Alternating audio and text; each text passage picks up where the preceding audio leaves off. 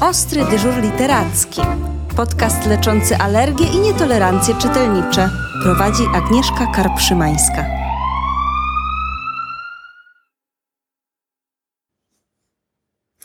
Dzień dobry. W naszej podróży po księgarniach niezależnych trafiliśmy dzisiaj do księgarni podróżniczej, do księgarni krakowskiej Bonobo. W czasach, kiedy nie do końca możemy wszędzie podróżować i tak wiele, jakbyśmy mieli na to ochotę, wydało mi się odwiedzenie takiej księgarni pewnego rodzaju torturą.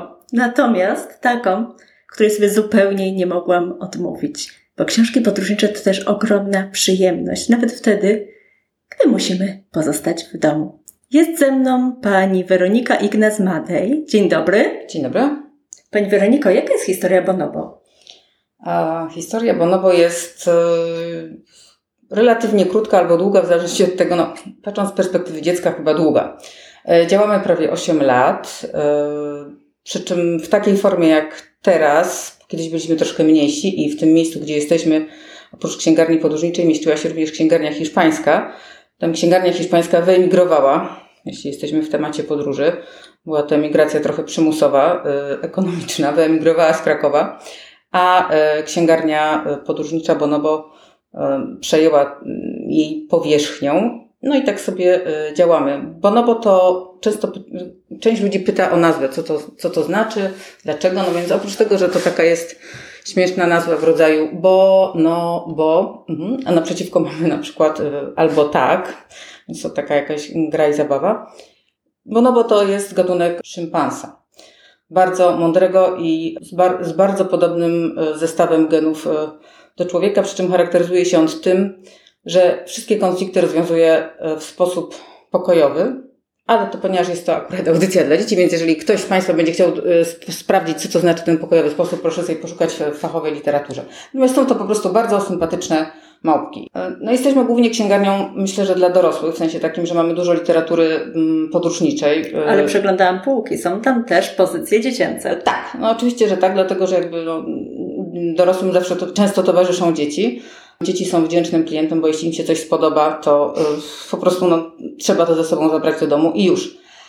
Jeśli chodzi o literaturę podróżniczą dla dzieci, no ten nasz kącik nie jest jakiś bardzo obszerny, raczej też z powodu szczupłości miejsca w ogóle naszej księgarni musimy się ograniczać, chociażbyśmy nie chciały, ale musimy.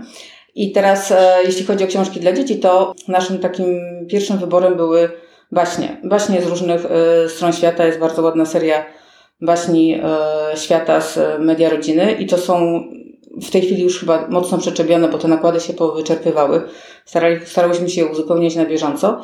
No, to jest jakby najwspanialszy chyba sposób, najprzyjemniejszy poznawania kultur, no bo po co czytamy książki? Po to, żeby się czegoś dowiedzieć. Książka, każda książka jest jakąś podróżą, prawda? No, w czasie, w przestrzeni, podróżą taką geograficzną, podróżą wewnątrz siebie, no każda książka to jest przygoda i podróż, a właśnie są na pewno taką najbogatszą, najciekawszą podróżą. No, z punktu widzenia dziecka, myślę, że każde dziecko no, lubi bajki, lubi baśnie, a baśnie świata opowiadają o różnych kulturach, opowiadają o zwyczajach, o tradycjach, wyjaśniają świat. Ta funkcja baśni, prawda, że one jakby opisują, wyjaśniają świat, zjawiska. Pewnie te zjawiska są różne pod różnymi szerokościami geograficznymi, ale też to jakby jest specyfika tych baśni, nie? że one się rozgrywają w jakimś konkretnym otoczeniu, nazwijmy to geograficzno-klimatyczno-kulturowym, ale też każda baśń pewnie, znaczy może nie każda, ale wiele baśni opisuje, jakieś tam próbuje tłumaczyć zachowania człowieka i też to w każdym kręgu kulturowym wygląda trochę inaczej. No i tak jakby zupełnie bezboleśnie, przyjemnie poznajemy świat. Siedząc sobie, nie wiem, na kanapie czy na kocu w ogrodzie, podróżujemy. To jest jakby... Prawda. Mamy tą serię u nas na półkach w biurze, jest absolutnie znakomita i niestety ona chyba nie jest tak mocno promowana, nie jest priorytetem wydawnictwa i nakłady się już też kończą. Szkoda, bo to perełka. Znaczy, my żeśmy w ogóle, ponieważ my jesteśmy takim miejscem, gdzie oprócz książek mamy sprzedaży książek, Mamy też dość bogatą ofertę kulturalną, przynajmniej miałyśmy ją w czasach przedpandemicznych. Więc na przykład miałyśmy taki projekt, że robiłyśmy z zaprzyjaźnionym teatrem przedstawienia według wybranych bajek świata, więc była bajki, były bajki norweskie, oczywiście były też baj, była też bajka polska, były bajki, była bajka japońska. Um, Oczywiście była bajka meksykańska, no jakby dużo tych bajek, e, bajek baśni zostało, bajka indiańska zostało przełożonych na język e, spektaklu i te spektakle cieszyły się sporym, e, jak na nasze skromne warunki, naprawdę sporym odzewem. I no, być może tak jest, no wiadomo, że nakłady kiedyś się kończą, no i to czasami tak jest, no tych książek na rynku jest ogromna ilość przeróżnych, więc Trzeba los. kupować póki, póki tak, są. póki są jeszcze, mhm. tak. To chyba tyczy wszystkich perełek. E, wspomniałyśmy na początku, że rodzice lubią przychodzić z dziećmi do księgarni, ale rodzice też podróżują z dziećmi i taki mały człowiek od jakiegoś czasu nie jest już najgorszym utrapieniem w podróży. Oczywiście, że to wszystko zależy od podróży i od celów podróży, ale bardzo często taki mały człowiek jest po prostu równoprawnym obserwatorem świata, który uczestniczy, bada, poznaje e, i Prawdopodobnie, tak sobie myślę, że księgarnia podróżnicza i książki, które tu może znaleźć rodzic i dziecko, mogą do takiej podróży przygotować? Tak, miałyśmy nawet spotkania, taki cykl spotkań o podróżach z małym dzieckiem. Mamy też książki, które są na przykład, nie wiem, przewodnikiem po jakimś mieście dla rodziców, rodzin z dziećmi na przykład. Jest też książka wydana przez e, przez gdańskie małżeństwo e, podróżników, którzy podróżują właśnie z Turką i zawsze podróżowali z Turką i zdaje się, że jest taka książka, która, o ile dobrze pamiętam, nosi tytuł Czy leci z nami królik i to jest w ogóle o po tym, jak się podróżuje z dzieckiem, jakie są zalety takiego podróżowania i jak zniwelować wszelkie niedogodności. Ale myślę, że to jest kwestia tylko i wyłącznie nastawienia. To znaczy, jeśli ktoś chce po prostu podróżuje, zanim ma dzieci, to w tym chętniej potem podróżuje z dziećmi. A dzieci mają z tego na pewno mnóstwo korzyści i przyjemności. Pani Weronika, a w takich czasach jak teraz, kiedy nie możemy podróżować, ale też hmm, chciałam spytać o takie książki, które dotyczą dalekich podróży, dalekich krajów. Czy warto je podsuwać dzieciom, czy one będą męczyć o tą podróż do Japonii, na którą na razie nie mamy szans? Mm, myślę, że przy.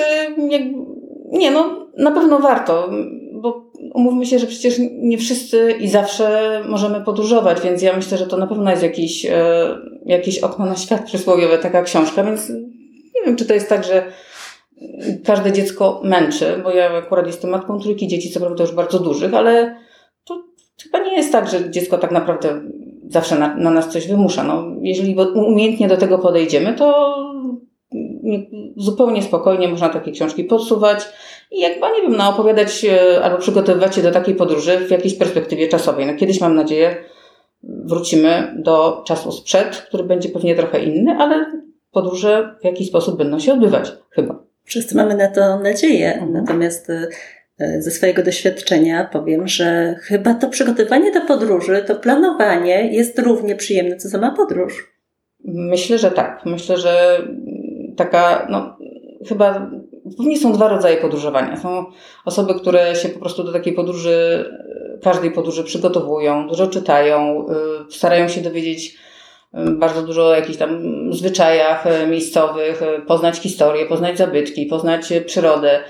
I myślę, że wtedy być może, no to jest jakby inny rodzaj, albo drugi rodzaj podróży to jest taki, że ktoś po prostu na no, przysłowiowy żywioł gdzieś tam wyrusza, bierze, nie wiem, plecak, samochód, rower, motocykl i jedzie. I jakby no, chłonie, ale czasami chyba wydaje mi się, że coś może, czegoś może nie zobaczyć, coś może e, ominąć. I to nie mówię o takich rzeczach, które są jakimiś żelaznymi punktami, ale im więcej się o jakimś kraju e, dowiemy, im więcej o celu naszej podróży będziemy wiedzieć, tym myślę, bardziej świadomie i mądrze wykorzystamy daną nam sposobność, daną możliwość podróżowania. Więc no, myślę, że jeżeli ktoś jest ciekawy świata, to Myślę, że czasami to w ogóle jest tak, że tak z książkami kucharskimi, czasami po prostu można sobie przeczytać jakiś fajny przepis i niekoniecznie zrobić to, ale przyjemność przeczytania, wyobrażenia sobie, jakby to mogło wyglądać, smakować też, jeśli ktoś ma w miarę bujną wyobraźnię, czasami wystarcza, no, prawda? Prawda, bo książki podróżnicze już chyba już jakiś czas temu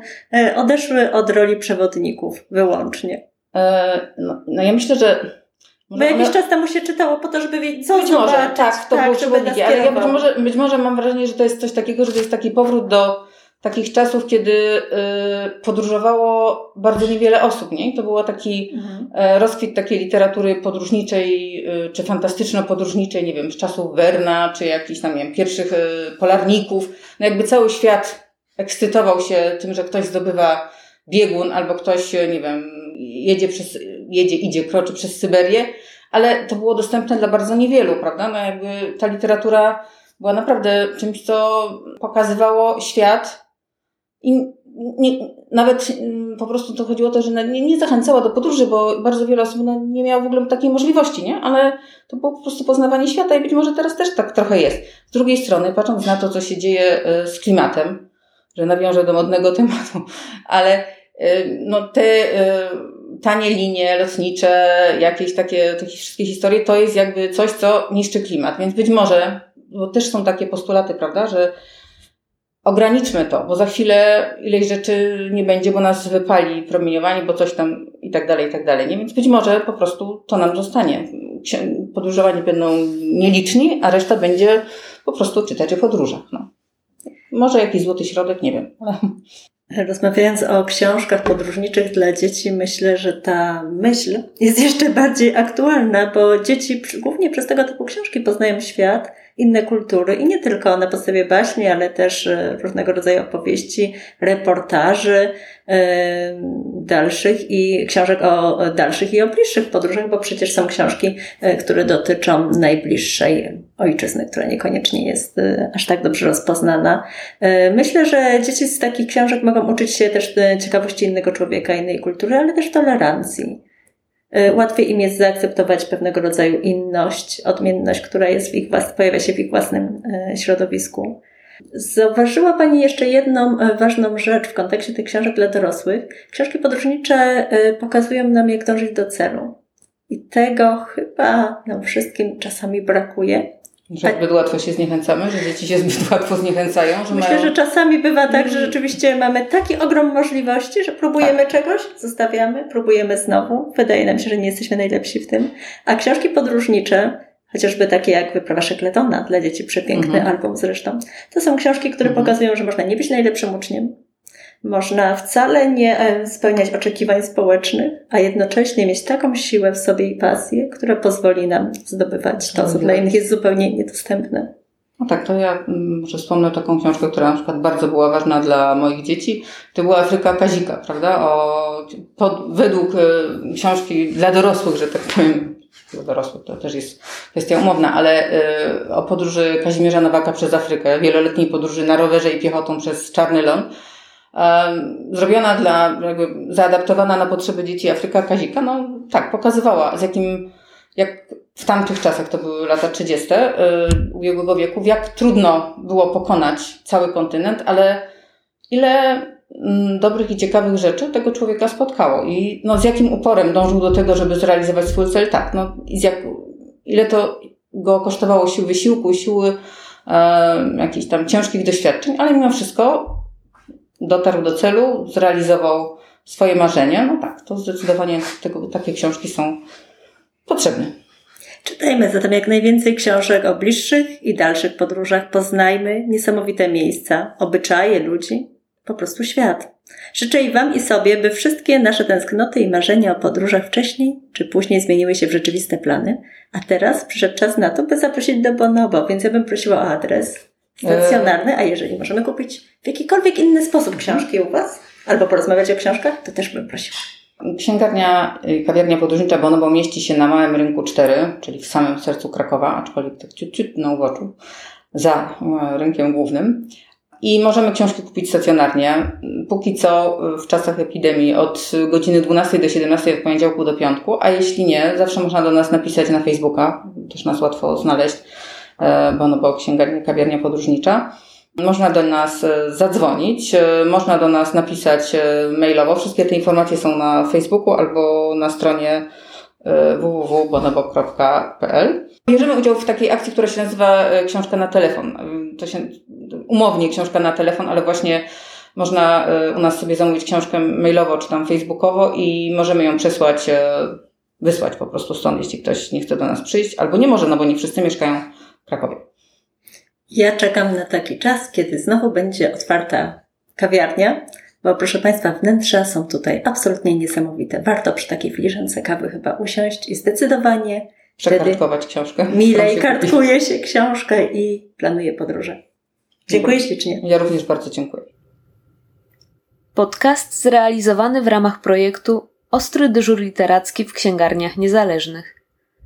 Dofinansowano ze środków Ministra Kultury i Dziedzictwa Narodowego pochodzących z Funduszu Promocji Kultury.